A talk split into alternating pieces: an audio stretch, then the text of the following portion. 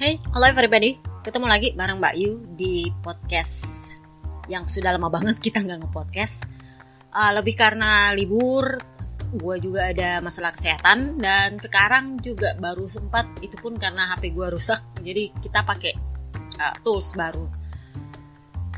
Kali ini yang akan kita bahas adalah sebenarnya banyak. Sebenarnya gue mau review lemang kemarin tapi kali ini kita akan membahas soal Aramco VR46.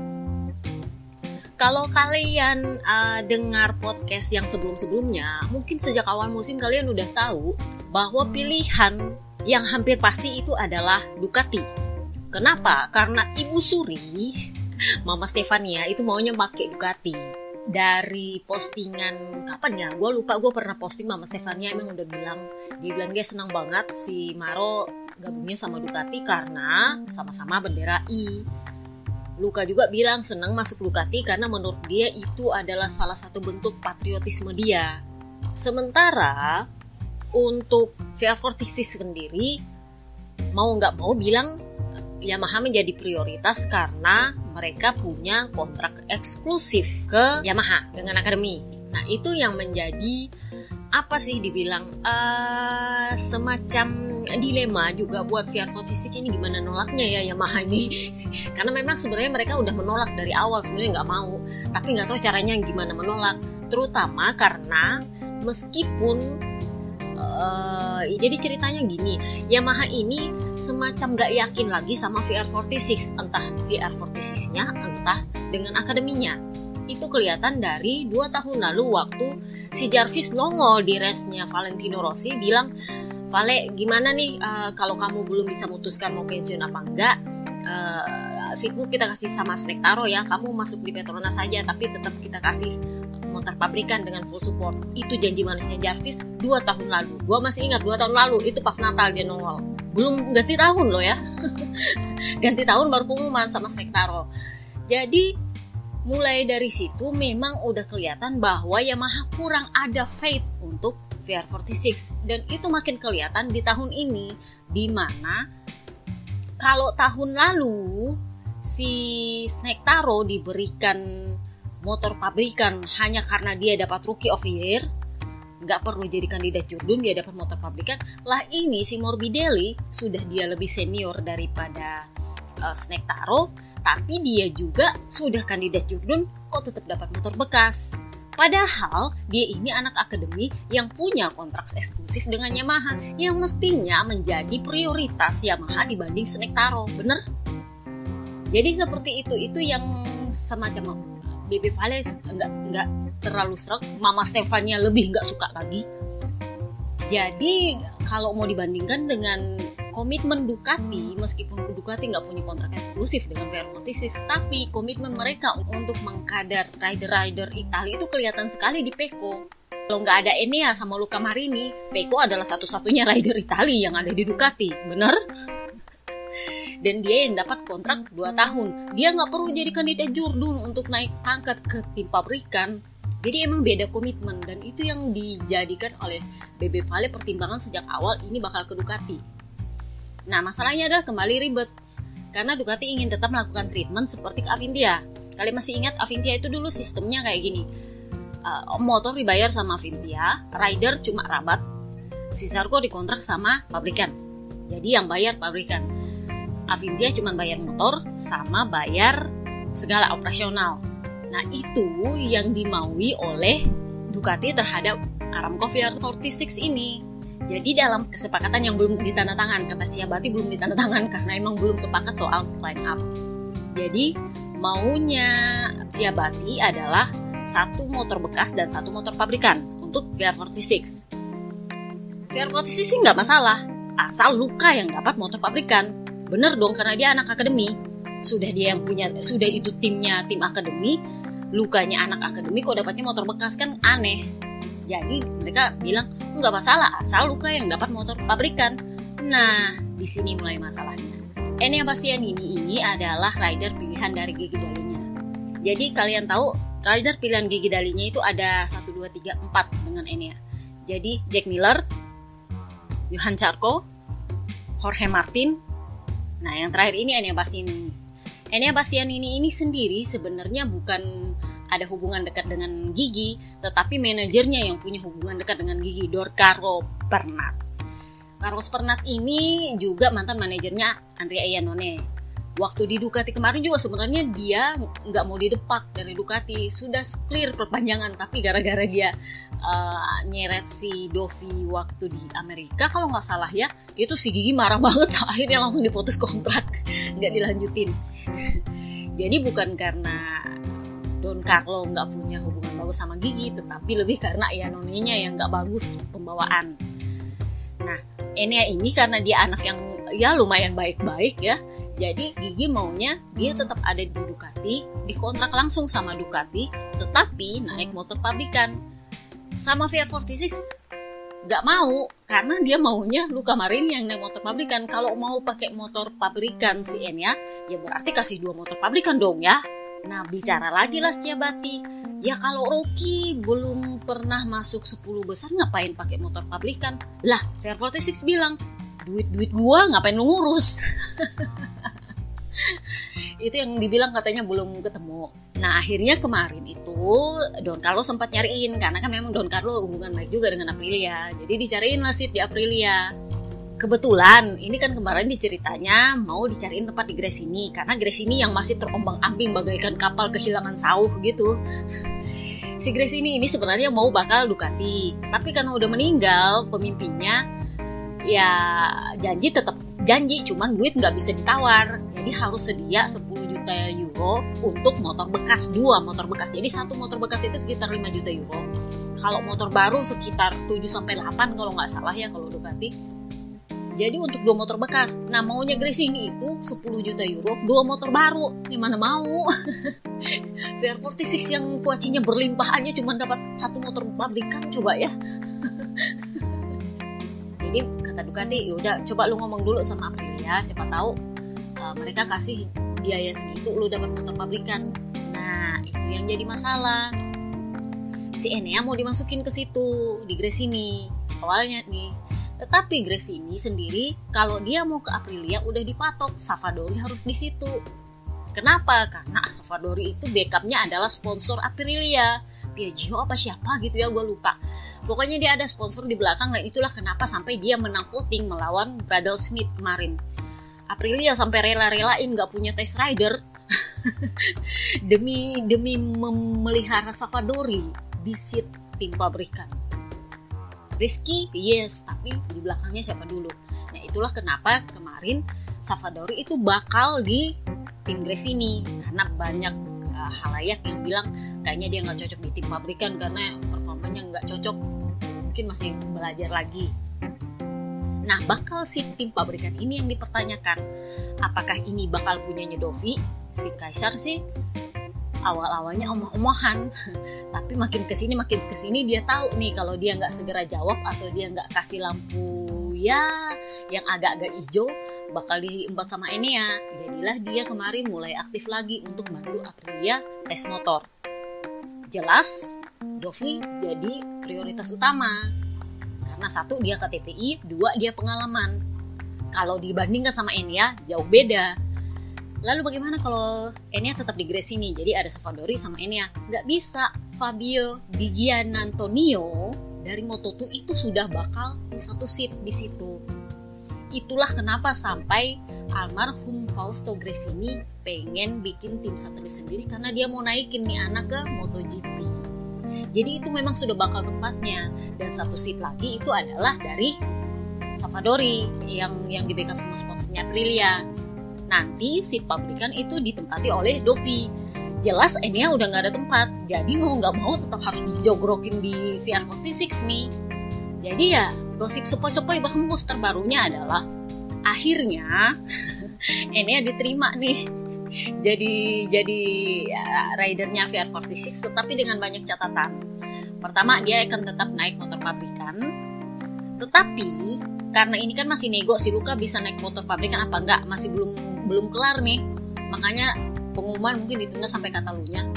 Karena yang masih dinego adalah motornya Luka Marini. Kalau opsinya uh, eh, VR46 adalah Oke, okay, kalau kalian mau kasihnya begitu, saya mau harga motornya Enia Basian ini itu adalah harga motor bekas. Jangan kasih kita charge uh, motor full dong. Lu mesti subsidi karena ini kan kita nggak mau sebenarnya sama dia. karena itu sebenarnya motornya Maro, bukan motornya Enia. Gitu. Terserah maukah Ducati yang subsidi ataukah nanti Don Carlo cariin sponsor buat Enia terserah. Pokoknya maunya mereka itu dihargai dengan motor bekas. Fair dong ya. Entah nanti apakah si Maro dapat motor pabrikan atau motor bekas itu lagi dinego. Karena udah kadung di di apa sih gue bilang? Udah kandung di boykot sama ini ya yang motor pabrikannya nah gimana kalau pindah aja ke Yamaha? Yamaha memang udah benar selentingannya bahwa kemarin itu mereka menawarkan dua motor pabrikan dengan harga setengah dari yang diminta ke Petronas. Jadi Petronas itu kemarin diminta ini ada 8 juta ya. Kalau Yamaha 8 juta itu udah minimal. Itu diminta ke Petronas. Nah masalahnya Petronas sanggupnya kemarin tuh cuma 6 juta itu harga motornya Morbidelli kasihan. Jadi ya ya semampunya itu aja. Mereka cuma bisa 6 juta mentok. Uh, kemarin sih si Bebet sebenarnya sih mau sebenarnya. Cuman dia sendiri udah mengalami seperti apa komitmennya Maha sama dia dan sama Morbidelli itu maksudnya manis di depan pahit banget di belakang. Jadi dia mikir kalau gue tinggal anak-anak gue sama Yamaha terus nanti kenapa-kenapa yang ngomong siapa emang motornya di diskon atas dasar mereka punya kontrak eksklusif. Cuman ya satu nggak enak sama Petronas dua kita nggak tahu mereka akan supportnya seperti apa takutnya supportnya setengah setengah bebek Vale tuh dikontrak langsung sama pabrikan supportnya juga setengah hati banget gitu. Udah capek-capek bawa sponsor giliran ada duit tetap juga telat dikasih part alasannya partnya belum tersedia masih dipakai sama rider pabrikan. Jadi harus dibikin lagi yang satu untuk cadangan untuk ke BB Vale yang bisa telit. Jadi ya emang setengah hati dan itu yang Bebe Vale nggak mau. Bebe Vale punya mau kalau gue ada duit kasih barangnya. Gak usah ditunda-tunda aja. Sama aja kayak kemarin dia dapatnya whole shot itu dapatnya di Heres. Kemudian yang kemarin dapat swing arm baru itu di tes Heres baru dipakai di Lemang jadi emang eh, serba telat dan dia nggak mau seperti itu dia maunya kalau misalnya gue ada duit turunin sini barangnya dong enak aja masa gue ada duit terus masih nunggu juga kayak gitu. Di sisi lain, Petronas sendiri sebenarnya sudah perpanjang kontrak dengan Dorna selama lima tahun. Kalau kalian tanya duit-duit yang kemarin dibawa sama Baby Valley itu lari ke mana? Ya lari ke perpanjangan kontrak SID dengan Dorna. Hampir dipastikan sebenarnya mereka akan perpanjang dengan Yamaha karena kemarin itu pengumumannya ada Yamaha di situ. Tetapi ternyata mereka belum bayar duit motor. Duit motor ini jadi masalah. Kenapa? Kalaupun dia mau menyediakan motor pabrikan untuk uh, Morbidelli, itu artinya dia harus minimal menyediakan 8 juta euro. Uh, itulah kata Petronas kami masih nyari-nyari sponsor lagi nih cukup apa enggak nambahin 2 juta euro nah Bebe Vale sendiri kemarin sempat bilang saya nggak mau gara-gara tim saya Petronasnya dikorbankan. Kenapa? Karena ada Morbidelli di sana. Nah, masalahnya adalah Petronas kan belum bayar motor tuh. Jadi kalau menurutnya BB Vale kalau misalnya Yamaha memilih uh, tim VR46 terus Petronas sengaja dikesampingkan uh, saya nggak enak sama Morbidelli, nggak enak sama saya sendiri juga karena saya kan timnya Petronas gitu. Nah, sama Yamaha bilang oke okay, nggak masalah kalau memang begitu jadi dua tim satelit. Kabarnya nih, Baby Valley udah ngomong sama Petronas. Dia bilang tenang aja, saya nggak ada maksud untuk membuat kalian terbuang. Cuman kalau misalnya soal harga diskon itu sudah kebijakan Yamaha sih, dia bilangnya gitu. Karena memang kami sudah hubungan dengan akademi itu jauh sebelum ada Petronas. Bilangnya gitu. Tapi kalau memang kalian ada kesulitan soal motornya Morbidelli nanti kita bantu sebagian. Jadi kan itu selisih sekitar 2 juta euro. 2 juta euro tetap banyak juga gitu. Nah itu yang masih dicari kalau Baby Vale bilang nanti dibantu sekian-sekian. Nah sisa nyari sisanya nih. Seperti itu. Inilah yang nanti jadi uh, ombang ambingnya. Tapi menurut gosip suka-suka Mama Stefania tetap pengennya ke Ducati kan? Kenapa? Karena Luca Marini juga sudah terlanjur adaptasi dengan Ducati. Jadi pertimbangannya kayak gini fisiknya Marini itu lebih tinggi daripada Baby Vale Baby Vale yang tinggi itu aja susah banget ngatur balance di Yamaha apalagi sejangkung Luca Marini. Emang dia posturnya lebih cocok ke Ducati. Itu pun di Ducati dia masih agak ribet. Apalagi kalau ke Yamaha tambah ancur-ancuran. Itu makanya Mama Stefania nggak mau pakai Yamaha. Makanya makanya dibilang tetap diterima si Enea tapi dengan banyak catatan dan motornya si Luka lagi dinego ini bisa nggak jadi motor pabrikan? Artinya 6 motor pabrikan Ducati yang mikir biaya nih 6 motor pabrikan kenapa? Karena uh, Pramax sendiri udah diskon banget sih itu motornya karena itu adalah proyek mereka uh, pengkaderan istilahnya tingkat level selevel di bawah uh, tim pabrikan buat ngetes ngetes part dan segala macam. Itulah kenapa uh, subsidinya Pramak itu besar sekali untuk soal motor. Bedanya sama BB Vale kan dibayarnya full. Jadi ya emang agak-agak complicated tapi memang larinya adalah line up-nya ini akan jadi seperti Enia Bastian ini dengan Luca Marini. Memang Uchiho kemarin sempat bilang tidak menutup kemungkinan kita akan mengambil rider dari luar akademi. Itu memang mengarah ke Enia Bastian ini. Cuman kemarin sempat uh, apa sih dibilang keluar bahasa bahwa bisa nggak sih si Marco Bes dinaikin? Kenapa? Karena si Minyo mau dinaikin dari Moto3. Atau kalau bukan si Minyo ya Antonelli siapa yang bagus gitu. Itu yang mau dinaikin ke Moto2 nah kalau begitu berarti si Marco Bes mesti dinaikin ke MotoGP itulah kenapa rencananya sebenarnya motor pabrikan buat si Luca Marini dan motor bekasnya buat Marco Bes tetapi karena gigi dalinya kekeh banget si Enia Bastian ini masuk jadi ya mereka terima. Itu sebenarnya pertimbangannya banyak.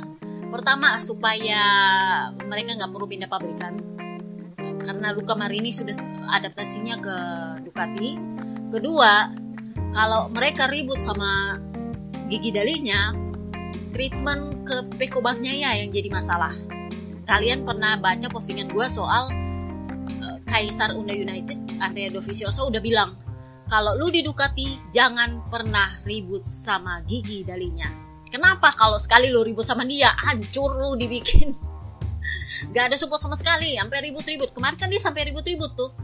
Sampai teriakan-teriakan katanya. Akhirnya si Gigi males ngomong sama dia. Akhirnya nggak ada kacau balau dari itu pedok. Meskipun dia menang meskipun dia apa nggak nggak pengaruh sama keputusannya Gigi Dalinya untuk mendepak dia dari tim pabrikan jadi ya seperti itu. Itulah kenapa Vale udah mikir ini kalau gue ribut sama Gigi Peko yang jadi masalah itulah kenapa dia bilang ya udah ambil aja ini Bastian ini tapi bukan salah Eneanya bukan salah Eneanya Enean Bastian ini itu ada manajernya dan manajernya adalah Carlos Bernat Kenapa Enea itu gak masuk di VR46? Karena dia ada manajernya sendiri. Kalau kamu gabung ke VR46, otomatis manajernya adalah VR46. Dan itu gak gampang. Kalian tanya itu mantan-mantan VR46 di luar sana, gimana tersiksanya? Itu sampai lu mau ngapa-ngapain itu diatur. Lu ada jadwal. Nggak boleh telat latihan nggak boleh telat ini nggak boleh telat itu. Pokoknya diatur banget. Bisa dibilang lu harus tinggal di uh, sekitar Tafulia. Nggak boleh lu pergi-pergi ke sana ke sini. Nah Enya itu nggak bisa kayak gitu. Itu yang pertama. Tapi di sisi lain uh, Enya juga hubungan baik sama VR46 dia kadang-kadang latihan. Dia ini kayak Matia ini kalau di VR46 uh, eh, sering gabung latihan tapi nggak masuk sama akademi. Karena memang manajernya beda. Itu resikonya. Dan dia kalau dari segi manajerial memang oh Carlos Bernard nggak bisa dilakukan lagi. Jadi seperti itu ya. Jadi sebenarnya bukan salah ini yang Bastian ini. Gua sudah ngekick member gue nggak tahu dia member apa-apa yang berisik di postingan gue terus dia provokasi untuk nyerang akunnya Enia Bastian ini. Gue cuma mikir eh salahnya Enia Bastian ini apa malih bukan dia yang salah manajernya yang ngatur dia. Anak sebiji begitu juga ngapain berisik? Dia nggak pernah berisik kali. Jadinya gue kick gue nggak suka orang-orang yang kayak gitu berisik. Ngapain berisik? Dengar ya member-member baru kalian itu masuk dan bisa klik follow di akun gue itu lebih karena gue udah buka lagi gebok akun gue karena HP gue lagi rusak. Tapi tunggu aja kalau bagus lagi gue gembok lagi gue usir lu satu-satu yang berisik-berisik nyampah di situ. Tunggu aja. Jadi udah gue bilang kalau lu follow akun gue atau lu ngintip di akun gue tahu aturan aja. Terserah lu ngintil kayak lu kagak kayak. Pokoknya kalau lu muncul di akun gue tahu aturan ya. Serah lu mau follow atau enggak gue kick. Ya gue kick aja bodo amat. Simple mah hidup gue gue nggak mau ada yang ngotor-ngotorin akun gue So jadi udah clear ya ini mau ke mana dan kira-kira kapan keputusannya. Jadi keputusannya rencananya sebenarnya Mugello kemarin, tapi karena masih ribet soal line up dan akhirnya ributnya ke bawah-bawah jadi motor, ya mungkin bakal katalunya. Sementara Bebe Vale sendiri pengumuman masa depannya dia udah bilang mungkin sakserin kali ya Jerman setelah libur musim panas. Oke, itu aja. See you next time guys. Bye bye.